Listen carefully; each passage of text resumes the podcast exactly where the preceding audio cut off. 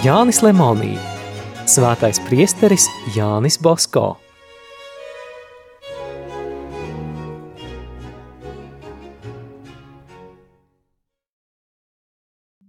Otrās daļas sastā nodaļa – jauna baznīca un liela patversme no 1851.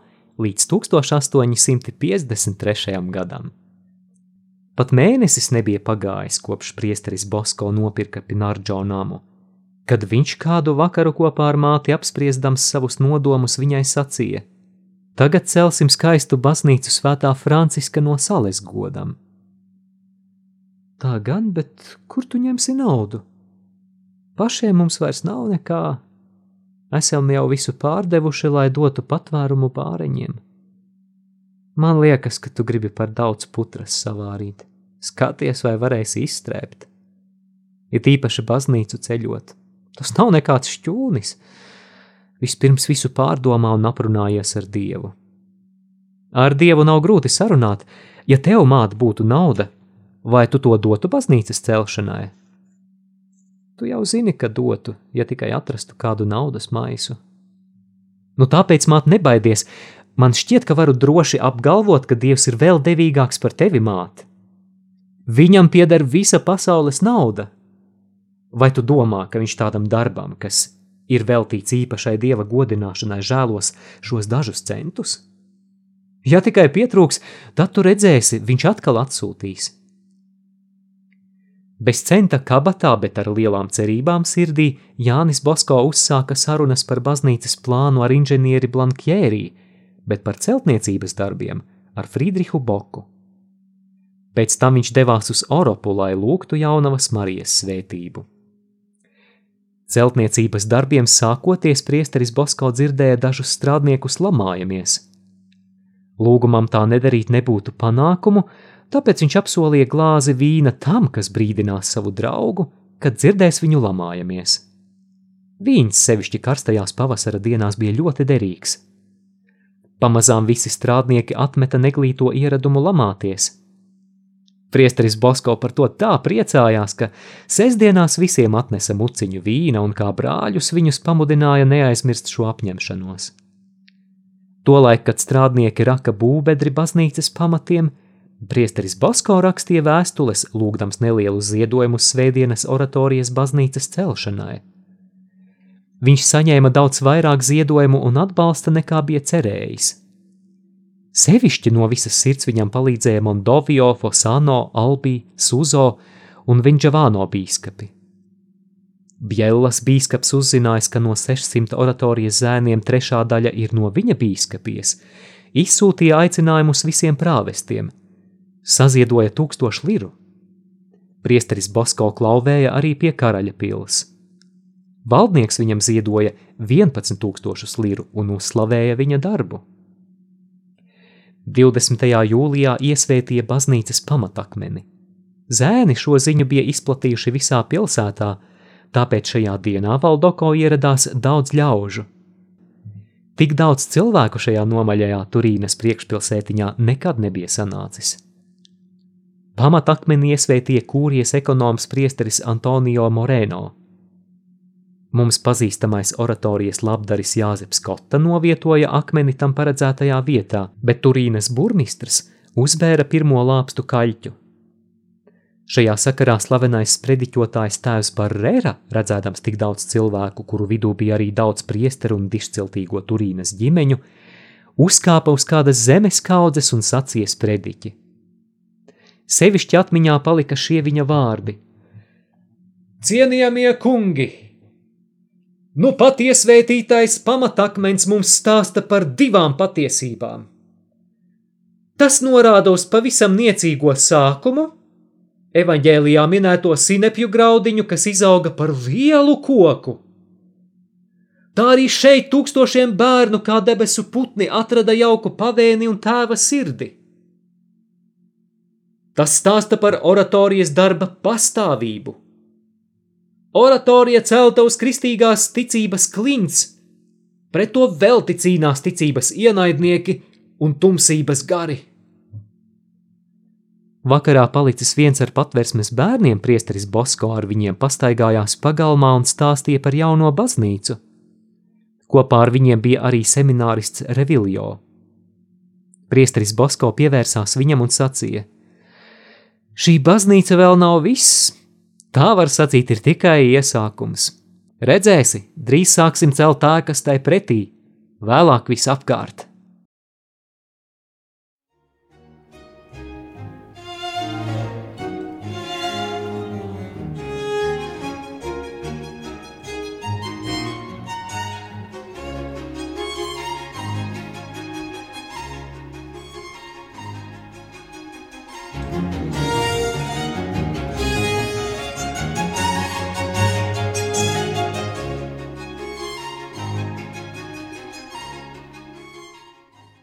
Mēneša laikā baznīca bija izaugusi vairāk nekā metru virs zemes.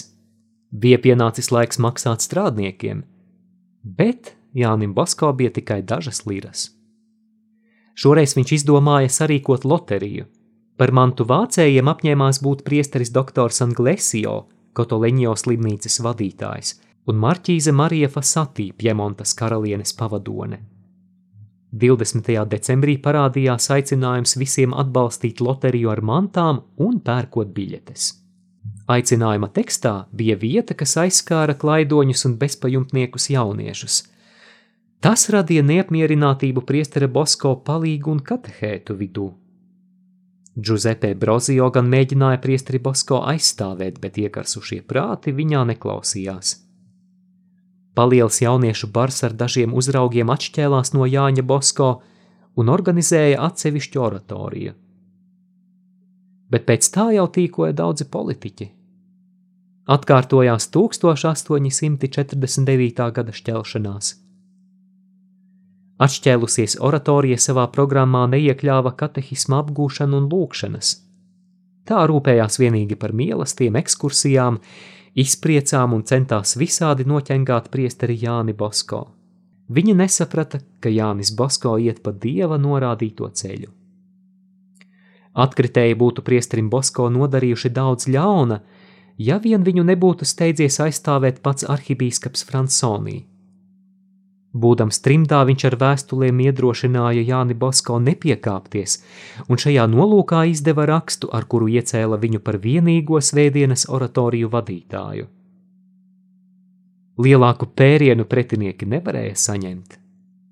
Tie, kas bija sacēluši vētru, vairs oratorijā neatgriezās, kaut gan agrāk viņi bija ļoti aktīvi.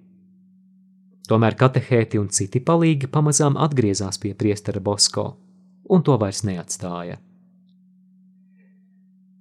1852. gada 26. aprīlī Turīnā notika liela nelaime. Ap pusdienlaiku visā pilsētā un tās apkārtnē nodarbēja nami, izbira logi, neviena vien celtne sagruva. Satricinājumu izraisīja sprādziens pulvera noliktavā. Sprādziena brīdī priesteris Bosko atradās lielajā Dominikāņu klostera zālē un kārtoja priekšmetus nākamajai loterijai. Sajūtis briesmīgo satricinājumu, viņš izskrēja uz ielas, lai uzzinātu, kas notiek. Izskrējis ārā, viņš nepaspēja pat paskatīties apkārt, kad atkal atskanēja dārdiens, kas satricināja pilsētu. Jānim Bosko līdzās nokrita auzumais. Tagad viņš saprata, kas notiek – Pulvera noliktava no oratorijas nebija tālāk par 500 metriem. Satraukts viņš skrēja mājās. Aizelsies viņš ieradās domādams, ka nama vietā atradīs tikai gruvešu kaudzi, bet nams stāvēja kā stāvējis. Tikai bērni bija izskrējuši laukā. Ļoti priecīgs un pateicies Dievam, viņš apgriezās un steidzās uz nelaimes vietu. Ceļā viņš satika māti. Tā gribēja viņu apstādināt, bet Jānis Basko neapstājās – Gabaliņu paskrējis, viņš ieraudzīja savu audzēkni Kārli Tomatī. Dodies uz pilsētu, viņš tam sauca, un, ja redzi bariņu klosteru māsu, vetās uz tautas laukumu. Tur būs daži lieli ceļotāji pajūgi. Sasēdini tajos māsas un saki, lai viņas aizved uz Monkaljērī, uz Marķīzes Barolo pili. Tomatis steidzās izpildīt priestera Bosko rīkojumu, bet nevarēja saprast, kā Bosko tik ātri varēja uzzināt Marķīzes priekšlikumu šajā nelaimes brīdī. Piesteidzies pie noliktavas, priesteris Bosko ar grūtībām tika pāri gruvešiem. Tur viņš bija vajadzīgs. Pie pašas ieejas starp gruvešiem gulēja kāds pusdzīvs strādnieks. Priesteris viņam deva absolūciju un devās tālāk degošajā noliktavā. Uguns vēl nebija sasniegusi vairākas pulvera mucas noliktavā. Tās bija apsektas ar bieziem paklājiem. Tuvumā bija tikai kāds drosmīgs karavīrs. Tas pašreiz atradās sardzē. Ieraudzījis priesteri Bosko, viņš tam piesteidzās klāt, norāva no galvas apmali un ar to lēja ūdeni uz paklājiem. Tajā laikā ieradās ugunsdzēsēji un izglāba pilsētu no vēl lielākas nelaimes. Zaudējumi pēc sprādziena bija milzīgi. Visi apkārtējie nami bija tā satricināti, ka lielāko daļu no tiem nebija iespējams labot. Tie bija jānojauc. Tas bija brīnums, ka nebija cietusi Kotoleņo slimnīca un svētā Franciska no Sales oratorija, kaut arī abas iestādes atradās pavisam tuvu noliktavai. Bez sevišķas dieva gādības tās nebūtu izturējušas.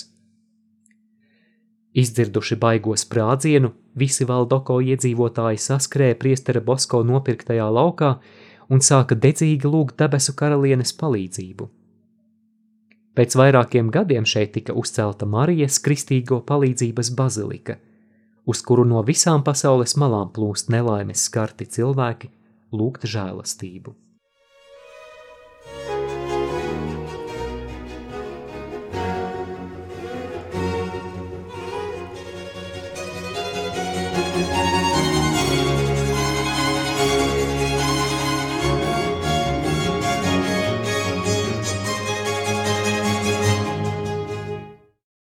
Kad priesteris Bosko no sprādziena vietas atgriezās mājās, viņš pagalmā ieraudzīja audzēkņus, kas panikai sākoties viņu meklēja. Ilgi Jānim Bosko bija jārunā, kamēr viņš visus nomierināja un pierunāja doties mājās. Vakarā bija vēl lielākas rūpes. Neviens patversmes audzēknis negribēja iet gulēt, visi baidījās un raudāja. Tikai tad, kad priesteris Bosko apgalvoja, ka nenotiks nekāda nelaime, ja zēni labi uzvedīsies. Viņi gāja gulēt. Tā jaunieši ticēja sava apstuļa vārdiem. Te jāpiemin kāds īpašs grūti izskaidrojams gadījums. Šajā gadā, 26. aprīlī, oratorijā nomira kāds ļoti labs zēns Gabriels Fasio.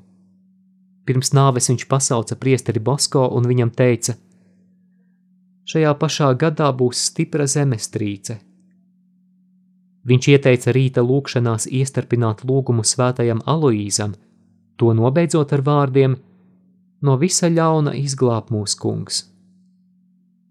Šis paradums vēl šodien palicis Salīzijāņu iestādēs. Neparastās žēlastības piemiņai priesteris Bosko lika iespiest 5000 svētā Aloīza attēlu ar lūkšanām. Neskopodamies un gribēdams vēl vairāk dievam pateikties par brīnišķīgo aizsardzību, viņš pusi no sarīkotās loterijas peļņas atdeva Kotoleņo slimnīcai. Turīnieši dāsni atbalstīja šīs divas labdarības iestādes. Vairākus desmitus biļešu iegādājās pāvests Pīs IX, Piemontas karalis Viktors Emanuēls, karaliene Marija Terēze, pilsētas valdība un visas dišciltīgās Turīnas ģimenes – Pēc veiksmīgās loterijas celtniecības darbi ritēja ātri. Jūnija sākumā baznīca jau bija gatava. Doktors Francesco Vallauri apsolīja iekārtot galveno altāri. Jāzeps Tiprē uzņēmās kārtot svētā Aloīza kapelas izgreznošanu, priesteris Kafaso ambonas pagatavošanu. Vārdu sakot, jo čaklāk strādāja pats Jānis Basko, jo devīgāk viņu atbalstīja turīgie cilvēki. Baznīcas iesvētīšana notika 20. jūnijā, trešajā svētdienā pēc vasaras svētkiem. Bīskapa nebija klāt, tāpēc baznīcu iesvētīja priesteris doktors Augustīns Gatīno, Doro priekšpilsētas prāvests. Dievkalpojumā piedalījās pilsētas valdes un dažādu organizāciju pārstāvji. Priesteris Basko šim gadījumam uzrakstīja skaistu dziesmu – Zēniem dziesma bija jāatkārto vairākas reizes, jo viesiem tā ļoti patika. Vakarā priestera Bosko mācību ieradās klausīties ļoti daudz cilvēku. Burmistrs atsūtīja goda sardzi. Pēc dievkalpojuma bijušajā sakristējā priesteris Bosko visiem loterijas mantu vācējiem un lielākajiem labdariem sarīkoja vakariņas. Tā bija, ja tā var sacīt, pirmā vispārējā salīdzjāņu darbinieku sapulce. Tumsai iestājoties, Ar priestera Kjavesa gādību jaunā baznīca tika krāšņi apgaismota. Nākošajā svētdienā oratorijā ieradās Bjellas bīskaps Losanna un sacīja sprediķi. Uzslavējis Turīnas iedzīvotājus par viņu devīgumu, bīskaps sprediķi nobeidza tā: Tomēr man jums jāatgādina, ka priesteris Bosko nevar apmierināties ar šo vienu baznīcu. Viņu gaida vēl cita vieta, Tur, pie karaļa prospekta netālu no Porta Novo, kur augstprātīgi rēgojas Lutera, Kalvina un Pētera valda sekotāju celtnes. Ja Dievs tā gribēs, visi to atbalstīs un priesteris Bosko tiks galā. Bīskaps bija uzminējis priestera Bosko domas. Tikko pabeidzis celt baznīcu, viņš sāka būvēt ērtāku māju patversmēji. Uzcēlām pieklājīgu namu dievam, tagad jāceļ māja viņa bērniem. Mājas plāns bija ļoti vienkāršs. Kāds labdaris aizrādīja, ka tādā namā nebūs iespējams ērti iekārtoties. Tas nekas, atteica priesteris Bosko. Apmierināsimies ar visu nepieciešamāko. Ēka bija jau uzcelta līdz trešajam stāvam. Līdz ziemai priesteris Bosko gribēja pabeigt vismaz mūra darbus. Te pēkšņi notika nelaime. 20. novembra naktī nogruva viena jaunā nama siena, ievainojot trīs mūrniekus. Vienam no tiem bija ievainota galva. Tā vien likās, ka viņš vairs nedzīvos. Jānim Bosko bija ļoti žēl strādnieku, bet zaudējuma dēļ viņš tomēr neapstājās. Pasaucis darba vadītāju viņš lika cietušos aizvest uz slimnīcu, un pieņem to vietā trīs citus strādniekus, lai varētu tūliņ pat atjaunot nogruvušo nama sienu.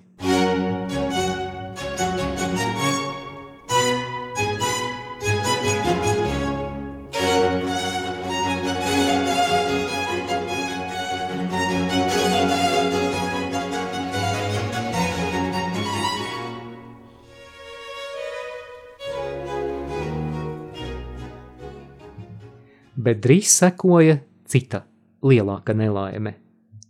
Kad nams bija uzcelts jau līdz jumtam, sāka stipri līt. Izskalojās vēl neizžuvušie, varbūt arī sliktās kvalitātes kaļķi, un nams atkal varēja sagrūt. Tā arī notika. Kādā naktī plosījās spēcīgs viesulis, un viena siena nogāzās. Zēni pa miegam dzirdējuši neparasto troksni puskaili noskrēja leju pagalmā. Priesteris Bosko arī gāja skatīties, vai tik kāds nav nosists. Redzēdams, ka cilvēki nav cietuši, viņš gāja pie bērniem un sāka jokot. Tie visi vēl trīcēja no bailēm. Priesteris Bosko visus uzaicināja sākt skriešanās sacensības pagalmā. Kad visi bija piekusuši, Jānis Bosko visus aizveda uz ēdamistabu un izstāstīja, cik daudz oratorijai bija jāizcieš, kamēr tai vēl nebija savas vietas – tomēr tā vienmēr augusi un paplašinājusies. Tādēļ arī tagad nevajagot baidīties, jo Dievs viņus sargās. Tad kopā ar zēniem palūdzies īsu lūkšanu, viņš visus aizveda gulēt. No rīta pulksten pieciem atkal nodārdēja. Bērni satraukti noskrēja lejā. Priesteris Bosko viņus aizveda uz baznīcu, lai pateiktos Dievam, kas viņus bija pasargājis no vēl lielākas nelaimes. Tad viņš celebrēja svēto misi. Pēc brokastīm atgriezies pagalmā, viņš smējās: Skaties, tik kāds tas vēlnēns ir nelietis! Sadomājis pārdīties. Redzēsim, cik tas būs stiprs, kad Dievs pasakīs pietiek. Kad dabūs pa degunu, tad tuntumi izkūpēs no pakauša kā dūmi. Izskanēja lasījums no Jāņa Lemonija grāmatas Svētais priesteris Jānis Bosko.